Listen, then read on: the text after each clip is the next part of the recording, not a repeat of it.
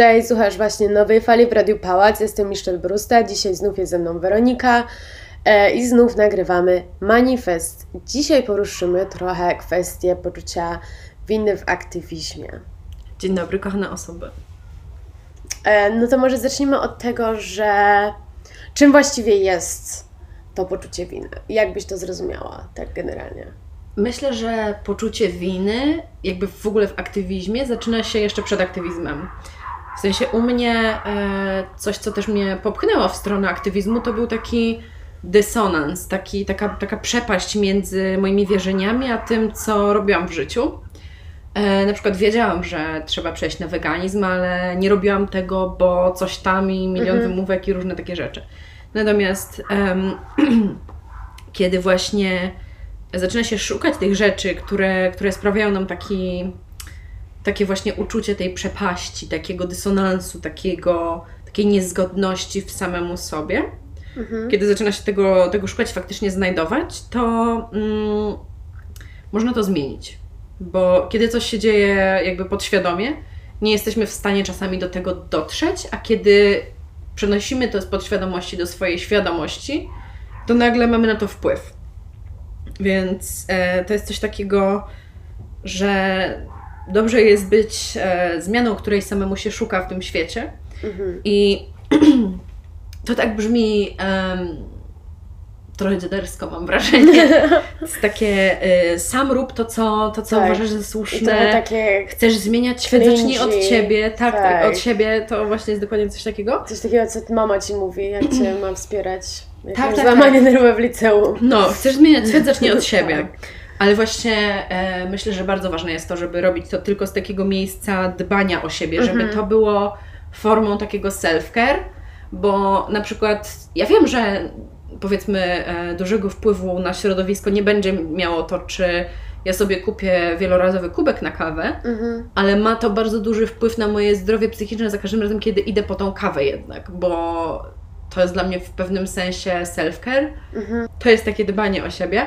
I, I w sumie już dalej w aktywizmie to poczucie winy jakby przychodzi z taką sinusoidą, jest taką, taką falą, przychodzi, przychodzi i odchodzi. I em, zanim, w zasadzie są takie okresy, że nie robi się niczego, niczego większego, nie jest się częścią żadnego projektu, w sensie są takie po prostu em, okresy obniżonej aktywności w działaniach aktywistycznych, na przykład e, chwilę tam po akcji, zanim jeszcze się zdążymy zebrać, żeby już e, ogarniać następną.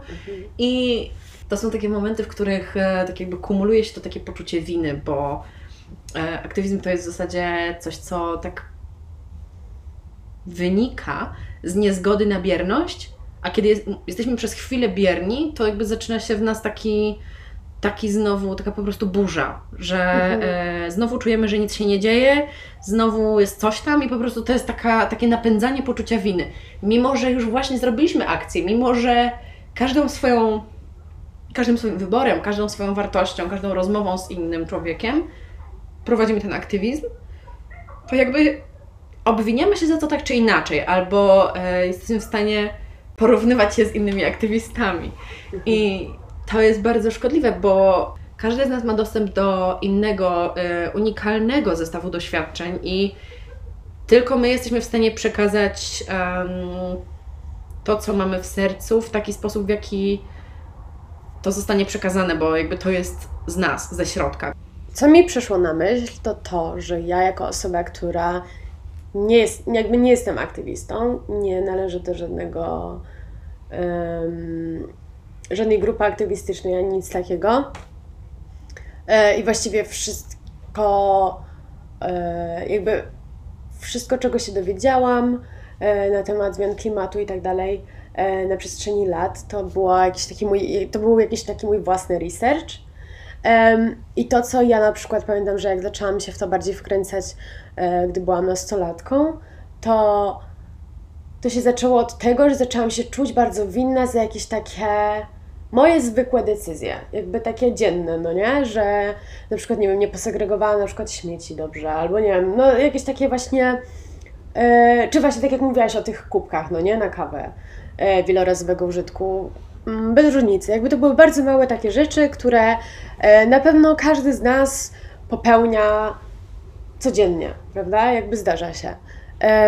I w pewnym momencie ja się zaczęłam czuć bardzo winna, że popełniam te takie małe rzeczy i miałam wręcz takie dziwne poczucie, jakby przez to, że ja wrzuciłam ten plastik do zwykłego śmietnika, jakby świat się miał się w tej chwili zawalić. W sensie wpadłam w taki naprawdę. Mm, Jakby to poczucie winy mnie przygniatało z każdej strony. E, I jak już zaczęłam więcej o tym czytać i też więcej rozmawiać z aktywistami, wielu moich znajomych się wtedy zaczęło angażować w różne grupy, e, zaczęłam więcej czytać na ten temat, zaczęłam się tym bardziej interesować, to zaczęłam dostrzegać to, o czym już wiele razy mówiłyśmy, że tak naprawdę mm, za większość zmian odpowiadają e, jakieś większe instytucje, politycy i tak dalej. Mm, I wtedy z, tej z tego poczucia winy, które miałam e, w stosunku do takich właśnie małych rzeczy, zaczęłam odczuwać takie poczucie winy, że czemu ja nie idę protestować. I to tutaj wracamy trochę do poprzedniego odcinka, gdzie mówiłam, że dla mnie na przykład protesty były zawsze obciążające. Um, jakby nie miałam tego mindsetu, że byłam gotowa na takie wyjście na ulicę albo, no nie wiem, jakieś dołączenia do jakiejś grupy właśnie aktywistycznej. Mm, Więc ja zaczęłam się czuć e, jeszcze bardziej winna, bo miałam podejście, okej, super, mam jakby bambusową szczoteczkę do zębów, jakby i co dalej, a nie robię nic w kierunku, żeby faktycznie zmienić świat i żeby faktycznie jakoś wpłynąć na polityków albo nie wiem, na, na, na cokolwiek właściwie. Em, I jakby mam wrażenie, że to poczucie winy jest jeszcze bardziej obciążające, bo to jest coś takiego, co nie możesz zmienić od tak na pstryknięcie palca. To nie jest coś takiego, że mm, dobra, jakby chcę coś zmienić, więc zaczynam faktycznie, nie wiem, recyklingować te śmieci, czy coś takiego. Tylko to już jest taka bardzo em, jakby na ten temat kumuluje się bardzo wiele aspektów, które ja sama jako jednostka nie, z, nie wpłynę na to po prostu. Mhm. Wiesz co, to o czym mówisz bardzo ze mną rezonuje na takiej płaszczyźnie, że już jako w miarę doświadczona em, aktywistka e, doświadczałam bardzo, podobnej, bardzo podobnego uczucia, bo tylko już jakby z innego poziomu doświadczenia, bo faktycznie em, już mimo nawet tych działań, mimo tego, że pojawiałam się na protestach, mimo tego wszystkiego, e, czułam, że robię za mało. Mhm. E, ale myślę, że to się łączyło bardzo ze świadomością, jakby z takim w zasadzie brakiem świadomości. Myślę, że to się łączyło właściwie z takim brakiem świadomości, że e, może to są moje granice i że może tylko do tego momentu jestem w stanie komfortowo coś zdziałać, Mhm. a na przykład siedzenie na blokadzie na ulicy jest po prostu nie dla mnie.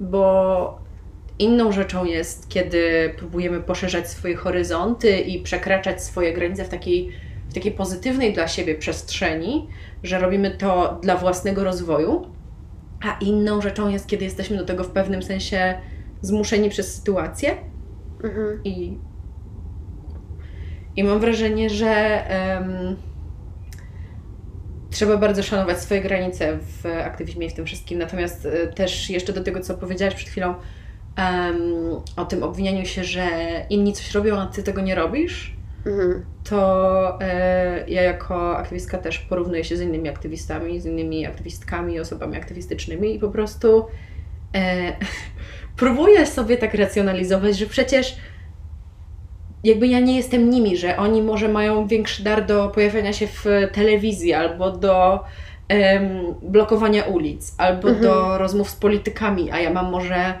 e, większy dar do, nie wiem, pisania poezji e, albo do opowiadania o tym klimacie, tak jak teraz robimy. Mhm. Więc e, może tak być, w sensie nie wiem jeszcze. No tak. E, myślę, że jeszcze mam chwilę czasu, żeby to, żeby to jakby ogarnąć, które to jest, która z tych to jest moja droga, ale na pewno nie ma nic złego w takim szukaniu swojej drogi też w aktywizmie, Mhm. bo bardzo często ja się porównuję jeszcze z osobami aktywistycznymi, które po prostu robią więcej. Na przykład e, bardzo uderzyło mnie to, kiedy oglądałam e, film e, o Grecie Thunberg e, na tym festiwalu Millennium Dogs of Gravity. I to był film, który faktycznie otwierał ten festiwal. I ja nie spodziewałam się, że ten film aż tak bardzo mnie uderzy, bo kiedy to się wszystko dzieje, kiedy my wszyscy się pojawiamy na strajkach, e, które też e, były w tym filmie, e, to jakby jesteśmy radośni, że fajnie, że coś się dzieje, jakby jesteśmy tam Mhm. i tworzymy to wydarzenie. Natomiast kiedy oglądamy to w takiej retrospekcji na filmie, to na mnie na przykład to bardzo wpłynęło i ja po prostu przeryczałam pół filmu. Mhm. I niemalże miałam atak paniki, więc w pewnym sensie aktywizm jest traumą. Mimo tego, że aktywizm jest dla mnie przede wszystkim em, miłością i radykalną empatią, to jednak jest to traumatyzujące doświadczenie i faktycznie rozmawiałam e, niedawno z, też z osobą aktywistyczną na ten temat i ona powiedziała, że faktycznie jakby my są takie momenty i to jest e, uniwersalne doświadczenie aktywistyczne, że w pewnym sensie e, mamy taką nagle dysocjację tego, co się dzieje realnie wokół nas, Mhm. A tego, co myślimy, że się dzieje i nagle e, mamy taką, taki wiesz, pstryk, taką realizację, że chwila, nas tu nie powinno w ogóle być. To nie jest normalne, że my musimy to robić. I fakt, że ta myśl na mnie towarzyszy cały czas, jest tym, co nam pozwala działać, natomiast jest też czymś takim, co sprawia, że my zauważamy to, że w zasadzie to jest dla nas traumatyczne doświadczenie, bo my naprawdę nie powinniśmy strajkować na ulicach każdego tygodnia co piątek. My powinniśmy chodzić na imprezy w piątki. Mhm. Powinniśmy beztrosko być młodzi. Jasne. A to zostało nam po prostu w pewnym sensie odebrane i to jest bardzo ciężkie. I myślę, że to się maskuje pod takim płaszczykiem poczucia winy. Ale tak naprawdę to jest trauma. I myślę, że dojście do tego wniosku było dla mnie, e, no mi na przykład to otworzyło oczy na to, że muszę robić aktywizm, bo mam absolutnie taką potrzebę i serca, i, i jakby wynikającą z wiedzy, którą mam. Em, ale że muszę to robić bezpiecznie dla siebie przede wszystkim, bo bez tego nie mogę długo działać. A potrzebu- to jest potrzebne i muszę i chcę. Więc musi tu być jakiś, jakiś balans. I myślę, że każdy ma swój, em, ale też jest ok, jeśli jeszcze nie wiemy, jaki mamy ten balans. I, i, i też jest bardzo ok pytanie się innych osób aktywistycznych o to, podejmowanie dialogu i takie em, poznawanie tego, w jaki sposób inni sobie z tym radzą, bo coś z nami może za, bo coś z nami może zarezonować i, i, i to jest, e, myślę, bardzo potrzebne, żebyśmy w taki sposób dbali o siebie. Mhm. No to jest trochę tak jak na poprzednim odcinku rozmawiałyśmy o tej takiej radykalnej empatii i właśnie wtedy powiedziałaś, że jakby aktywiści mają to do siebie, że jakby są ultra empatyczni i widzą faktycznie ten problem. E, I to, że teraz mówi, że hej, w piątek powinniśmy być na imprezie, a idziemy na, e, nie wiem, na protest, na jakiś strajk, albo nie wiem, e, siedzisz nawet w domu i czytasz o tym i denerwujesz się na ten temat, to znaczy, że po prostu cię to wkurza, bo czujesz, że coś jest nie tak. I to też jest, to jest dobre tak naprawdę. Mimo, że to jest obciążające, to to jest dobre, bo masz realnie szansę na wykorzystanie jakiegoś swojego talentu, żeby coś zmienić. Czyli mm, jeśli twoim talentem jest, nie wiem, nawet no, organizacja, bo to też jest jakiś talent. No nie każdy umie zorganizować e, cały strajk na przykład. Więc nawet jeśli właśnie to jest Twoim talentem, żeby być w tym teamie, który organizuje strajk, albo Twoim talentem jest właśnie rozmowa, rozmowa e, i wytłumaczenie komuś, na czym polega problem, albo nagranie podcastu, zrobienie bloga, pisanie o tym, nie wiem, pisanie poezji, cokolwiek. Mm, to jakby to też jest to, że właśnie czujesz, że jest problem i umiesz wykorzystać Mhm. coś, co umiesz robić, żeby jakoś pomóc, e, nie wiem, właśnie, albo żeby ktoś się o tym dowiedział, albo e, żeby walczyć o to, żeby ten problem został w jakiś sposób zmniejszony, żeby e, zapobiec zmianom klimatu albo cokolwiek. Sprawić, żeby były mniej, Tak. mniej okropne. Tak, Ale właściwie, wiesz co, nie chciałabym użyć takiego określenia, że to jest dobre, bo to nie jest dobre, że to się dzieje. Jeśli to jest dla nas traumatyzujące i, i, i takie obciążające, tak jak powiedziałaś, to to nie jest dobre, ale jest potrzebne. W sensie nasz aktywizm może nie być dla nas w 100% dobry, jest dla nas Oczywiście, na pewno tak. jest dla nas na pewno rozwijający, jest dla nas e, piękny, sprawia, że jesteśmy w stanie poczuć się tak, że coś robimy i faktycznie coś robić i Mhm. faktycznie wprowadzić jakąś zmianę. Natomiast em, to nie znaczy zawsze, że on jest dla nas dobry. Natomiast jest potrzebny. To jest, To jest- to jest ta subtelna różnica między dobrem a potrzebnością. Tak, Bo wiesz, też, y, też to, o co my walczymy, to nie, Mhm. jest, to nie jest tak, że my mm, jakby walczymy o coś dobrego, jakby o jakąś kompletną utopię. Po Mhm. części tak. Natomiast to nie jest em, jakby pierwsza rzecz, o którą my walczymy. My nie żyjemy w utopii, nie walczymy o to, żeby jeszcze była większa utopia, tylko my, my żyjemy w dystopii i walczymy o rzeczy absolutnie potrzebne nam do Tak. przeżycia. Więc to jest jedna rzecz. Natomiast em, właśnie to, co mówiłaś o tych umiejętnościach, em, chyba Dominika Lasota, tak. Dominika Lasota to powiedziała em, ostatnio, że widzi w e, kryzysie klimatycznym wielką szansę, wielką możliwość, Mhm. bo i faktycznie u, jakby ujęcie tego jako, jako możliwość jest w pewnym sensie jest takie ciężkie i jest takie em, trudne, natomiast em, to jak ja to rozumiem, to jest to, że każdy ma swój jakiś po prostu dar, którym może się przyczynić do rozwiązania tego problemu. Mhm. I dlatego edukacja klimatyczna jest tak ważna, dlatego dzielenie się informacjami na ten temat jest tak ważne, dlatego dzielenie się też doświadczeniami i jakby rozmawianie o tym w bardzo em, otwarty sposób jest tak kluczowe, bo ktoś może ogarnąć, że ej chwila, przecież ja mógłbym spełniać moje marzenia y, i nie wiem, robić coś, co najbardziej na świecie mi się podoba, co sprawia, że czuję się spełniony, ale i tak przyczyniać się do, do jakiegoś pozytywnego wpływu na, na tą sprawę. Mhm. Więc to jest w tym, to jest w tym e, wszystkim piękne, że każdy jest w stanie zrobić coś dobrego dla klimatu, robiąc to, co kocha. Mhm. Bo to, czy robimy coś dla klimatu, czy robimy coś dla nas, nie musi się wykluczać. Więc em, to jest bardzo duża faktycznie szansa, to jest bardzo duża e, możliwość. Mhm. Jeszcze chciałam dodać do tego, co wcześniej mówiłaś o tym, że jak rozmawiałyśmy o tej empatii i tak dalej, e, to że oczywiście, że jakby dostrzeganie tych problemów jest obciążające psychicznie, to jest ciężkie i to się wiąże z dużym jakby z wieloma problemami, z którymi my sami musimy sobie poradzić. Em, ale to nie zmienia faktu, że jakby jest to w pewnym sensie komplement dla osoby, która jest tak radykalnie empatyczna. Bo jakby to znaczy, że em, jest to komplement dla tej osoby pod tym względem, że to znaczy, że ona dostrzega więcej. Że ona się przyjmuje i że jest empatyczna, że ona chce w pewnym sensie zmienić świat. Czyli jest to komplement, bo widzi więcej niż taki przeciętny Kowalski, który, dla którego to jest właściwie obojętne. I jakby to nie znaczy, że nie wiem, że teraz co obrażasz przeciętnego Kowalskiego, to jakby nie o to chodzi. Tylko, że wiesz, wiesz co mam na myśli, jakby, że mm, osoby aktywistyczne są po prostu właśnie bardziej empatyczne i to jest super i to jest piękne i to jest duży komplement, bo nie każdy, to jest jakiś dar w pewnym sensie też. Jakby nie każdy się taki urodził. Mhm.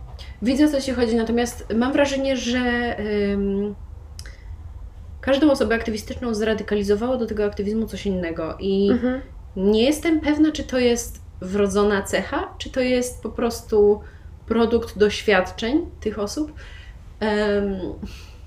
No ja nie byłam świadoma zmian klimatu od urodzenia i nie, nie, nie wiedziałam tego wszystkiego. Oczywiście, Też że nie, nie, zawsze, tylko, nie że... zawsze, wiesz, nie zawsze widziałam ten problem, więc em, myślę, że nie ma osób mniej lub bardziej empatycznych, są tylko te, które odkryły w sobie tą empatię i są, mają tę odwagę żyć w zgodzie z tą empatią Mhm. i są osoby, które może jeszcze nie doszły do tego momentu, więc to nie jest tak, że jeśli teraz jest się osobą jakąś nieempatyczną albo, albo że ma się po prostu ten problem gdzieś, to nie można nagle tego zmienić, bo e, ludzie są stworzeni do adaptacji. my się adaptujemy do każdej sytuacji. Nawet jeśli chcemy tego lub nie chcemy, mhm. jesteśmy stworzeniami, które się po prostu adaptują. Też e, dlatego po covid jest tak dziwnie.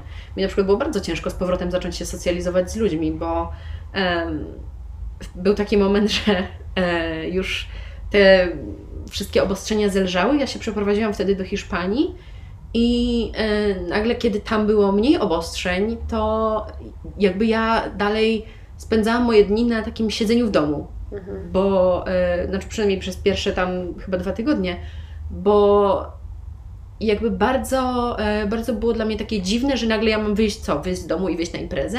Nie, więc po prostu to był produkt tego, że ja się zaadaptowałam do życia w kwarantannie i jakby już to było moje nowe przyzwyczajenie, to była moja mhm. adaptacja.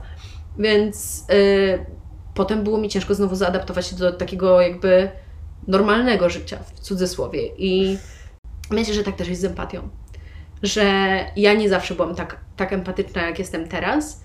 Y, I cieszę się, że to się zmieniło. Cieszę się, że zmieniłam moje przyzwyczajenie w tym, w tym temacie, bo jest to jakby bliżej, bliżej tego, co, co ja czuję, że jest słuszne. Jest mhm. to bliżej, e, przybliża mnie to do e, życia w zgodzie z taką najautentyczniejszą wersją siebie. Mhm. I uważam to za cenne. Mhm. No, zgodzę się e, oczywiście totalnie, że jakby można się do tego przystosować ale wciąż utrzymuję jakby to stwierdzenie, że jakby niektórzy się, mam wrażenie, że niektórzy się rodzą e, z taką cechą, a inni muszą się jej nauczyć. Może się ze mną nie zgodzić oczywiście, ale wydaje mi się, że niektórzy z natury, to widać po dzieciach, że jakby y, są dzieci, które jakoś tak z natury bardziej się przejmują y, na przykład, nie wiem, rówieśnikami powiedzmy, no nie? I jakoś tak bardziej są takie czułe i nie wiem, jakby bardziej się martwią o innych, a są dzieci, które e, mimo, że na przykład są wychowywane i uczone takich, wiesz, właśnie dbania o kolegów, czy o rodzeństwo i tak dalej, są trochę mimo wszystko mniej empatyczne. Jakby... To, już, to już chyba zależy od znaku zodiaku, ale... Możliwe. Totalnie. Totalnie tak, ale nie, no jakby jest coś w tym i to mówię na swoim tak, przykładzie jest. jako dziecko i pamiętam, że jako dziecko, mimo że byłam wychowywana e, przez moją mamę w jakiś tam e, taki sposób, to zachowywałam się całkiem inaczej, więc to po prostu chodzi też o charakter i dlatego utrzymuję, że jakby nieraz się rodzimy po prostu z jakąś taką e, większą wrażliwością, większym taką uczu, jakby mamy więcej takich uczuć e, niż, niż inni i to jakby nie jest złe, bo oczywiście możemy się później tego nauczyć, jeśli rodzimy się jednak z taką mniejszą empatią, ale jakby wciąż. Wiesz co, nawet ta, ta bardzo wysoka wrażliwość to jest um, też taka cecha psychologiczna mhm. E, człowieka, bo faktycznie chyba, jeśli dobrze pamiętam, ale nie chcę skłamać, ale jeśli dobrze pamiętam, to jedna na pięć osób chyba właśnie ma, um, ma tą um, high sensitivity. Tak. To się nazywa HPS? High sensitivity people? Nie, HSP. Tak, HSP, tak, HSP. Tak, tak, tak, Highly sensitive people. Tak. I u mnie się na przykład to objawiało, bo ja jestem taką osobą mhm. i właśnie u mnie się na przykład to objawiało w taki sposób, że w przedszkolu, kiedy dzieci były za głośno, ja po prostu odchodziłam od nich jak najdalej i szłam się sama bawić i mhm. panie w przedszkolu jakby prosiły moją mamę, że w ogóle Jezu, że trzeba tutaj przetestować, czy to nie jest jakiś e, albo autyzm, albo coś takiego, że w ogóle to, że w ogóle ten, bo to nie no. było jakby nie wiem, społecznie akceptowalne zachowanie, Jasne. a ja po prostu kiedy one mnie pytały dlaczego, to podobno odpowiadałam, że bo jest za głośno, inne dzieci są za głośno. Mhm. I e, no jakby też jeśli miałabym autyzm, no Boże, przecież to by było też ok, ale, e, ale właśnie jakby to mm, myślę, że taka wiedza o właśnie wysokiej wrażliwości mhm. jest po prostu tak y, niepowszechna, że to jakby próbowano mnie wtedy diagnozować na wszystko, tylko nie, tylko nie na tą wrażliwość. Mhm. I teraz, kiedy już jestem po y, no ponad pół roku terapii, jestem w stanie stwierdzić, że faktycznie jakby mam tą wysoką wrażliwość, że jakby i, i to jest okej. Okay. Jasne. Więc y, no jakby trzeba sobie tak, w sensie każdy znajduje coś takiego na swojej drodze życia i, i, i jakby to jest też kwestia e, odkrywania siebie i, i to jest bardzo ważne, żeby, Mhm. żeby siebie też odkrywać e, pod takim kątem, bo mam wrażenie, że każdy, kto jest na jakiejś takiej drodze odkrywania siebie, przybliżania się do, mm, do swojej największej autentyczności, e, w pewnym momencie znajduje w sobie coś takiego. W sensie znajduje w sobie jakąś taką wrażliwość, albo znajduje w sobie coś, co mm, czego może nigdy nie rozumiał i nagle zaczyna rozumieć. I to jest też takie, to też służy jako taki, taki może punkt zwrotny. Mhm. Dla mnie na pewno, e, na pewno jakieś tam przeżycia były takim punktem zwrotnym, ale terapia też była. Mhm. Więc, e, no i terapia oczywiście jest takim po prostu już jakby kulminacyjnym punktem dbania Mm, o siebie. W ogóle jasne. bez, to jest taki, taki punkt startowy totalnie. Mhm. No ja się z tym zgodzę. Ja znowu e, jako dziecko mm, byłam na pewno bardziej wrażliwa niż jestem teraz. I to też jest jakby kwestia tego, że mm, mam jakieś swoje przeżycia, które trochę zmieniły moje podejście do tego, e, ale też drugą taką moją cechą jako, o, właściwie odkąd byłam dzieckiem, to było to, że byłam bardzo byłam taką indywidualistką i wszystko musiałam mieć tak po swojemu i raczej em, od zawsze miałam problem, jak mi ktoś coś narzucał, zawsze musiałam robić wszystkim na przekór i się buntować. E, i też bardzo często miałam gdzieś e, inne osoby trochę w pewnym sensie, to bardzo źle brzmi, e, ale trochę tak było. I e, jakoś tak stopniowo musiałam się nauczyć tego takiego, tego takiego dbania o inne osoby. I tutaj też oczywiście terapia mi bardzo w tym pomogła, ale nawiązując nawet do właśnie aktywizmu i tego takiego uczenia się e, o tym wszystkim, to też w pewnym sensie mi pomogło. I nie chcę teraz brzmieć tak cheesy bardzo, że, że to mówię, że Boże, czytanie o zmianach klimatu zmieniło moją osobowość, ale trochę tak, bo w pewnym sensie zrozum- jakby zrozumiałam, że są takie rzeczy, które naprawdę są wspólne. I to nie jest tylko mój problem, to nie jest tylko Twój problem, czy, czy jakiejś tam poszczególnej osoby, tylko to jest naprawdę problem całego świata. E, I to dotyczy tak samo mnie, jak i nie wiem, em, dziecka gdzieś w Ameryce Łacińskiej, tak? E, Więc jakby to faktycznie jakby tworzy trochę, jakby kreuje w tobie taką Mhm, właśnie e, empatię. Dlatego też właśnie uważam, że no. tak, że jakby mm, no to trochę nawiązuje do tego, co mówisz, że faktycznie można się tego wyuczyć, ale jakby ja też mm, mogę przyznać, że na pewno na dzień dzisiejszy jestem mniej empatyczna niż dużo osób, które znam właśnie w aktywizmie i tak dalej. Więc jakby wiem, że na pewno niektóre osoby są właśnie bardziej podatne na takie emocje, które towarzyszą temu całemu przedsięwzięciu, niż na przykład ja, która się dopiero tego uczy. E, Jakby to też jest okej. I nie mówię, że jedno jest gorsze od drugiego. Pewnie. Jakby każdy się do czegoś przyczynia właśnie i pracujemy nad tym razem, ale mm, coś w tym jest. Myślę, że to, że Ty teraz rozumiesz, że w sumie Ty się dopiero tego uczysz i dajesz sobie na to przestrzeń, jest w pewnym sensie bardzo empatyczne. Jakby, no jesteś empatyczna też wobec siebie. To, Mhm. to nie jest tak, że empatia to jest e, jakby jednostronny medal. No, kij Mhm. zawsze ma dwa końce, medal zawsze ma dwie strony, więc e, to nie jest tak, że jest tylko, tylko dla innych empatia. To jest także dla Ciebie samej. Em, I też wracając do tego, co mówiłaś, walka o klimat uwrażliwia. Mhm. To jest e, z mojego całego życiowego doświadczenia. e, To jest fakt, po prostu. Bo e, to też wynika, mm, w ogóle zaangażowanie się w e, walkę o klimat to jest, znaczy walka o klimat jest w sumie, to jest w sumie parafraza, bo to jest w zasadzie walka o ludzi. Mhm. I w, tym, w tej naturze tego problemu, że to jest faktycznie walka o ludzi, zaczynamy rozumieć, że w zasadzie jakby wszyscy jesteśmy jednością. I e, jakkolwiek by to nie brzmiało, to e, naprawdę tak jest. W sensie to bardziej jakby zaczynamy rozumieć, że nie jesteśmy tylko i wyłącznie jednostkami, bo jesteśmy częścią natury, jesteśmy wszyscy razem w niej, jesteśmy jakby populacją jednego gatunku, a nie mnóstwem jednostek. ten indywidualizm, mam wrażenie, jest taki, Mhm.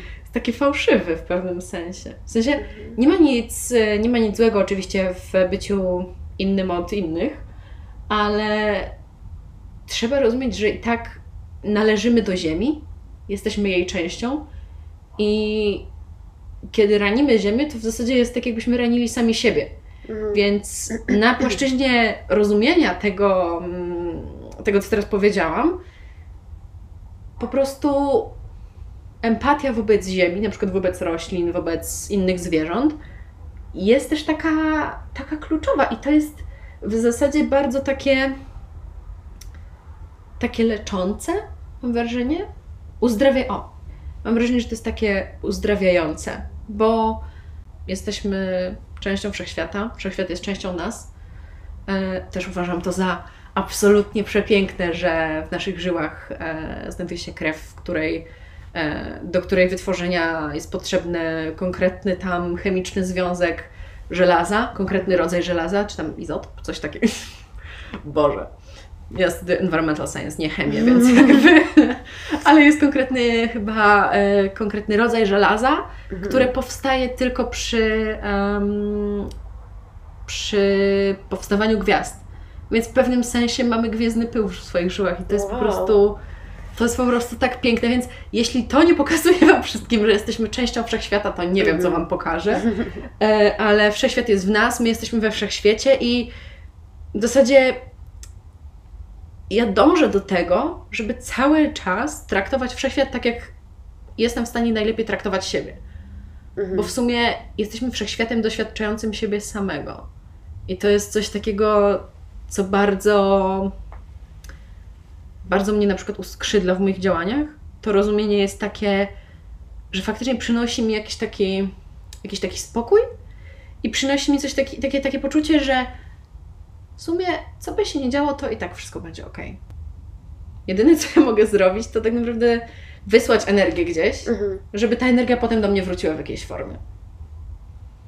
Myślę, że e, też zrozumienie tej jedności z wszechświatem jest em, bardzo potrzebne do takiego znalezienia wewnętrznego spokoju w e, tych aktywistycznych działaniach, bo no naprawdę to nie jest, e, to nie jest takie oczywiste. Mhm. Bardziej, e, kiedy jeszcze mój aktywizm, kiedy jeszcze jakby tego nie rozumiałam, mój aktywizm na samiutkim początku był taki, no bo przecież oczywiście nie zawsze to rozumiałam i to jest też okej. Em, więc na samym początku mój aktywizm był taki, z takiej naprawdę, wynikał z takiej wściekłości i, i wynikał z, takiego, z takiej niezgody na bierność i, i jakby z takiej chęci zmiany, ale też z takiej głębokiej potrzeby em, wpłynięcia na, na wszechświat. I ja intuicyjnie dążyłam do tego miejsca, w którym jestem teraz i dalej dążę do miejsc, w których jeszcze będę, ale em, czuję, że, że faktycznie też słuchanie głosu intuicji w tym bardzo, e, bardzo mi pomogło i bardzo też było, jakby wpisywało się w tą wrażliwość. Mhm. Ja nie powiedziałam jednej rzeczy o Grecie. Że jak płakałam o tym filmie, jak płakałam na tym filmie, to potem miałam takie rozmyślanie, że, em, że w sumie ja naprawdę autentycznie się obwiniałam, kiedy się zaczynały te protesty e, Fridays for Future, to ja naprawdę się autentycznie obwiniałam za to, że ja ich nie zaczęłam też. Bo myślałam sobie, Boże, jakby to było dobrze, jakby były dwie takie Grety, nie? Jakbym ja też była taką Gretą i też robiła tutaj coś lokalnie, ona tam, ja tutaj i jakbyśmy wszyscy połączyli siły, to byśmy mieli dwa razy tyle osób. Mhm. I ja autentycznie się za to obwiniałam, nie rozumiejąc jeszcze, że może pociągnięcie za sobą tłuma, y, tłumu ludzi Mhm. i przekonanie ich do jakiejś wielkiej sprawy i, i powiedzenie im to w taki charyzmatyczny sposób nie jest po prostu moim darem. Nie jest to coś, co jest mi pisane, albo nie jest to coś, co ja bym była w stanie zrobić. Co nie znaczy, że nie mogę działać w inny sposób, ale ja autentycznie się obwiniałam za to, że to nie jest mój dar. Co teraz oczywiście rozumiem, że było w ogóle no jakby beznadziejne wobec samej siebie Mhm. ale myślę, że to jest i tak dalej bardzo częste zjawisko w aktywistycznym środowisku, bo po prostu wiem, że to nie jest tylko moje doświadczenie. Wiem, że nie jestem jedyną osobą, która e, porównywała się do e, Grety Thunberg, czy która się porównywała do bardziej odważnych aktywistów, e, aktywistek i osób aktywistycznych w moim lokalnym otoczeniu. E, wiem, że nie jestem jedyna. I wiem, że em, osoby aktywistyczne, które będą tego słuchać, znajdą w tym bardzo dużo prawdy, bo mimo wszystko, jakby jesteśmy wszyscy różni i to jest ok. I o tym po prostu trzeba pamiętać. To jest też kwestia takiego w zasadzie spajania swoich wartości z tym, co robimy. Bo, czyli wracając do samego początku tego podcastu, e, jeśli moją wartością jest bycie wyrozumiałym wobec siebie i, i taka empatia też wobec siebie, to jakie ja mam prawo rozliczać się z czegoś, na co mnie po prostu nie stać? No tak. Więc kurczę, przecież to nie jest tak, że ja nic nie robię. Więc dlaczego ja siebie obwiniam i osłabiam swoje morale i po prostu ob, ob, o, em, osłabiam sama siebie? Jakby w zasadzie okradam siebie z tej energii, którą mogłabym spożytkować na więcej działań, Mhm. obwiniając się za rzeczy, których nie robię. To brzmi totalnie jak jakaś terapia w tym momencie, ale Tak, ale to mi też przychodzi na myśl, bo generalnie wydaje mi się, że jakby jako ludzie jesteśmy, em, męczymy sami siebie. tak. I to bardzo. jest e, widoczne od zawsze, w sensie nawet w szkole, gdzieś tam w podstawówce. E, ja na przykład czułam się źle, że jakby jestem beznadziejna z matematyki. No i co, jakby co z tym? I wiesz, i jakby jesteś dzieckiem, a obwiniasz się, że nie jesteś tak dobra z jakiegoś przedmiotu jak Ania czy, czy Bartek, no nie? I to jest jakby zrozumienie tego i to, co teraz mówisz, że e, no nie będziesz drugą Gretą, ale masz jakiś tam inny dar, prawda? E, zrozumienie tego, według mnie, wiąże się z jakimś zrozumieniem i poczuciem własnej wartości. Czyli musisz najpierw wykreować właśnie to poczucie własnej wartości e, i zrozumieć, że jakby wszystkie Twoje działania są w pewnym sensie równe e, do, do tych działań, które robi jakiś inny aktywista. Po prostu on nie zrobi Twojej działki, a Ty nie zrobisz jego działki. Dokładnie, dokładnie. I to jest to, ale nie zrozumiesz tego, dopóki nie jesteś pewna siebie i pewna swoich działań. A wiesz, że to nie zawsze wynika tylko, tylko z poczucia własnej wartości? Mam wrażenie, że to bardzo wynika z, z jakby poziomu bliskości do społeczności, w której się znajdujesz.